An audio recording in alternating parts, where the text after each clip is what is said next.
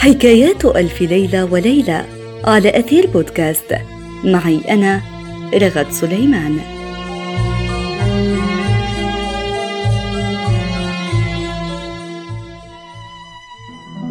أهلا بكم في حكايتنا الثالثة من حكاية ألف ليلة وليلة.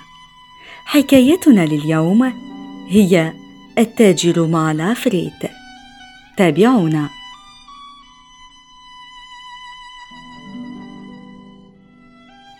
في الليلة الأولى لشهرزاد مع شهريار قالت بلغني أيها الملك السعيد. أنه كان تاجر من التجار كثير المال والمعاملات في البلاد.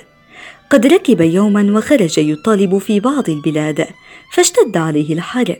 فجلس تحت شجرة وحط يده في خرجه وأكل كسرة كانت معه وتمرة. فلما فرغ من أكل التمرة رمى النواة. وإذا هو بعفريت طويل القامة وبيده سيف فدنا من ذلك التاجر وقال له قم حتى أقتلك مثل ما قتلت ولدي. فقال له التاجر كيف قتلت ولدك؟ فقال له لما أكلت التمره رميت نواتها جاءت النواة في صدر ولدي فقضت عليه ومات من ساعته.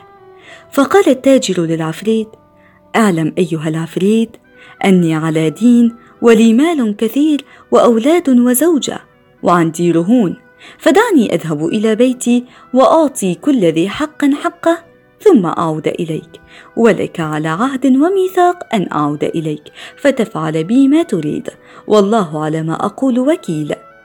فاستوثق منه الجني وأطلقه فرجع إلى بلده. وقضى جميع متعلقاته وأوصل الحقوق إلى أهلها وأعلم زوجته وأولاده بما جرى له. فبكوا.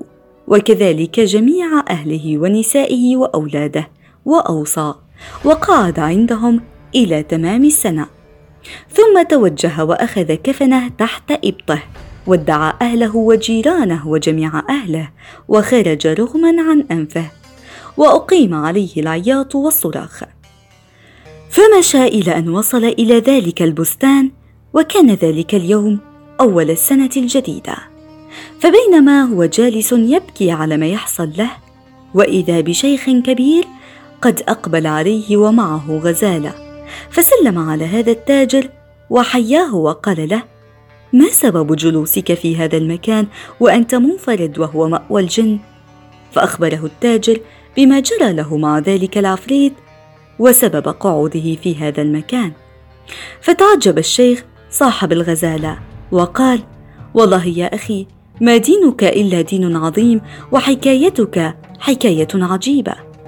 ولو كتبت بالأبر على أماق البصر لكانت عبرة لمن اعتبر. ثم أنه جلس بجانبه وقال والله يا أخي لابرح من عندك حتى أنظر ما يجري لك مع ذلك العفريت. ثم إنه جلس عنده يتحدث معه. وفجأة غشي على ذلك التاجر وحصل له الخوف والفزع والغم الشديد والفكر المزيد وصاحب الغزالة بجانبه. وإذا بشيخ ثان قد أقبل عليهما ومعه كلبتان من الكلاب السود فسألهما بعد السلام عليهما عن سبب جلوسهما في هذا المكان وهو مأوى الجن. فأخبراه بالقصة من أولها إلى آخرها فلم يستقر به الجلوس حتى أقبل عليهم. شيخ ثالث ومعه بغلة فسلم عليهم وسألهم عن سبب جلوسهم في هذا المكان. فأخبروه بالقصة من أولها إلى آخرها. وبينما كذلك إذا بغبرة هاجت وزوبعة عظيمة قد أقبلت من وسط تلك البرية فانكشف الغبر وإذا بذلك الجني وبيده سيف مسلول وعيونه ترمي بالشرع. فأتاهم وجذب ذلك التاجر من بينهم وقال له قم أقتلك مثل ما قتلت ولدي وحشاشه كبدي فانتحب ذلك التاجر وبكى وأعلن الثلاثه شيوخ بالبكاء والعويل والنحيب. فانتبه منهم الشيخ الأول وهو صاحب الغزالة.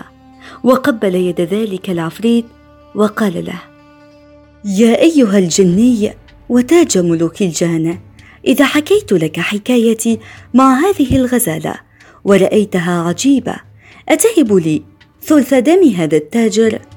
قال نعم يا أيها الشيخ إذا أنت حكيت لي الحكاية ورأيتها عجيبة وهبت لك ثلث دمه فقال ذلك الشيخ الأول أعلم يا أيها العفريت أن هذه الغزالة هي بنت عمي ومن لحمي ودمي وكنت تزوجت بها وهي صغيرة السن وأقمت معها نحو ثلاثين سنة فلم أرزق منها بولد فأخذت لي سرية فرزقت منها بولد ذكر كأنه البدر إذا بدا بعينين ملحتين وحاجبين وأعضاء كاملة فكبر شيئا فشيء إلى أن صار ابن خمس عشر سنة. فطرأت لي سفرة إلى بعض المدائن فسافرت بمتجر عظيم. وكانت بنت عمي هذه الغزالة تعلمت السحر والكهانة من صغرها. فسحرت ذلك الولد عجلا وسحرت الجارية أمه بقرة وسلمتها إلى الراعي. ثم جئت أنا بعد مدة طويلة من السفر فسألت عن ولدي وعن أمه. فقالت لي جاريتك ماتت. وابنك هرب ولم أعلم أين راح فجلست مدة سنة وأنا حزين القلب باكي العين إلى أن جاء عيد الضحية. فأرسلت إلى الراعي أن يخصني ببقرة سمينة. فجاءني ببقرة سمينة وهي سريتي التي سحرتها تلك الغزالة. فشمرت ثيابي وأخذت السكين بيدي وتهيأت لذبحها. فصاحت وبكت بكاء شديد. فقمت عنها وامرت ذلك الراعي فذبحها وسلخها فلم يجد فيها شحما ولا لحم غير جلد وعظم. فندمت على ذبحها حيث لا ينفعني الندم وأعطيتها للراعي وقلت له ائتني بعجل سمين فأتاني بولدي المسحور عجلا فلما رآني ذلك العجل قطع حبله وجاءني وتمرغ علي وولول وبكى. فأخذتني رافه عليه وقلت للراعي ائتني ببقرة ودع هذا. وهنا أدرك شهرزاد الصباح فسكتت عن الكلام المباح. فقالت لها أختها ما أطيب حديثك وألطفه وما ألذه وأعذبه. فقالت لها وأين هذا؟ مما أحدثكم به الليلة القابلة إن عشت وابقاني الملك فقال الملك في نفسه والله ما أقتلها حتى أسمع بقية حديثها.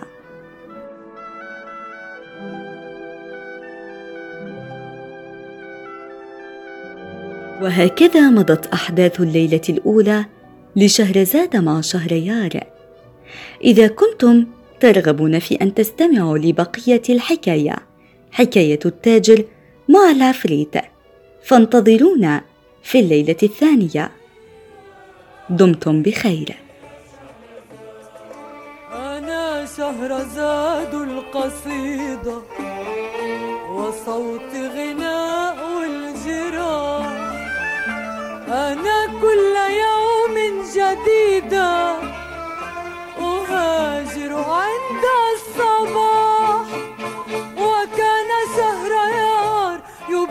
يبدد النساء يبدد الأشعار والناس والأسماء.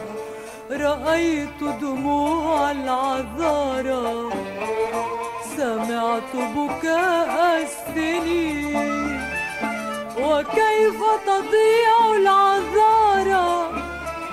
بقصر الضهنة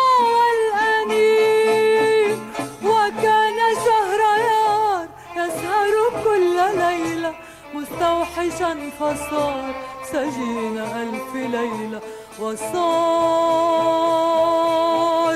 سجين الحكاية فقلت للحكاية أنا حرير السجينات. سجين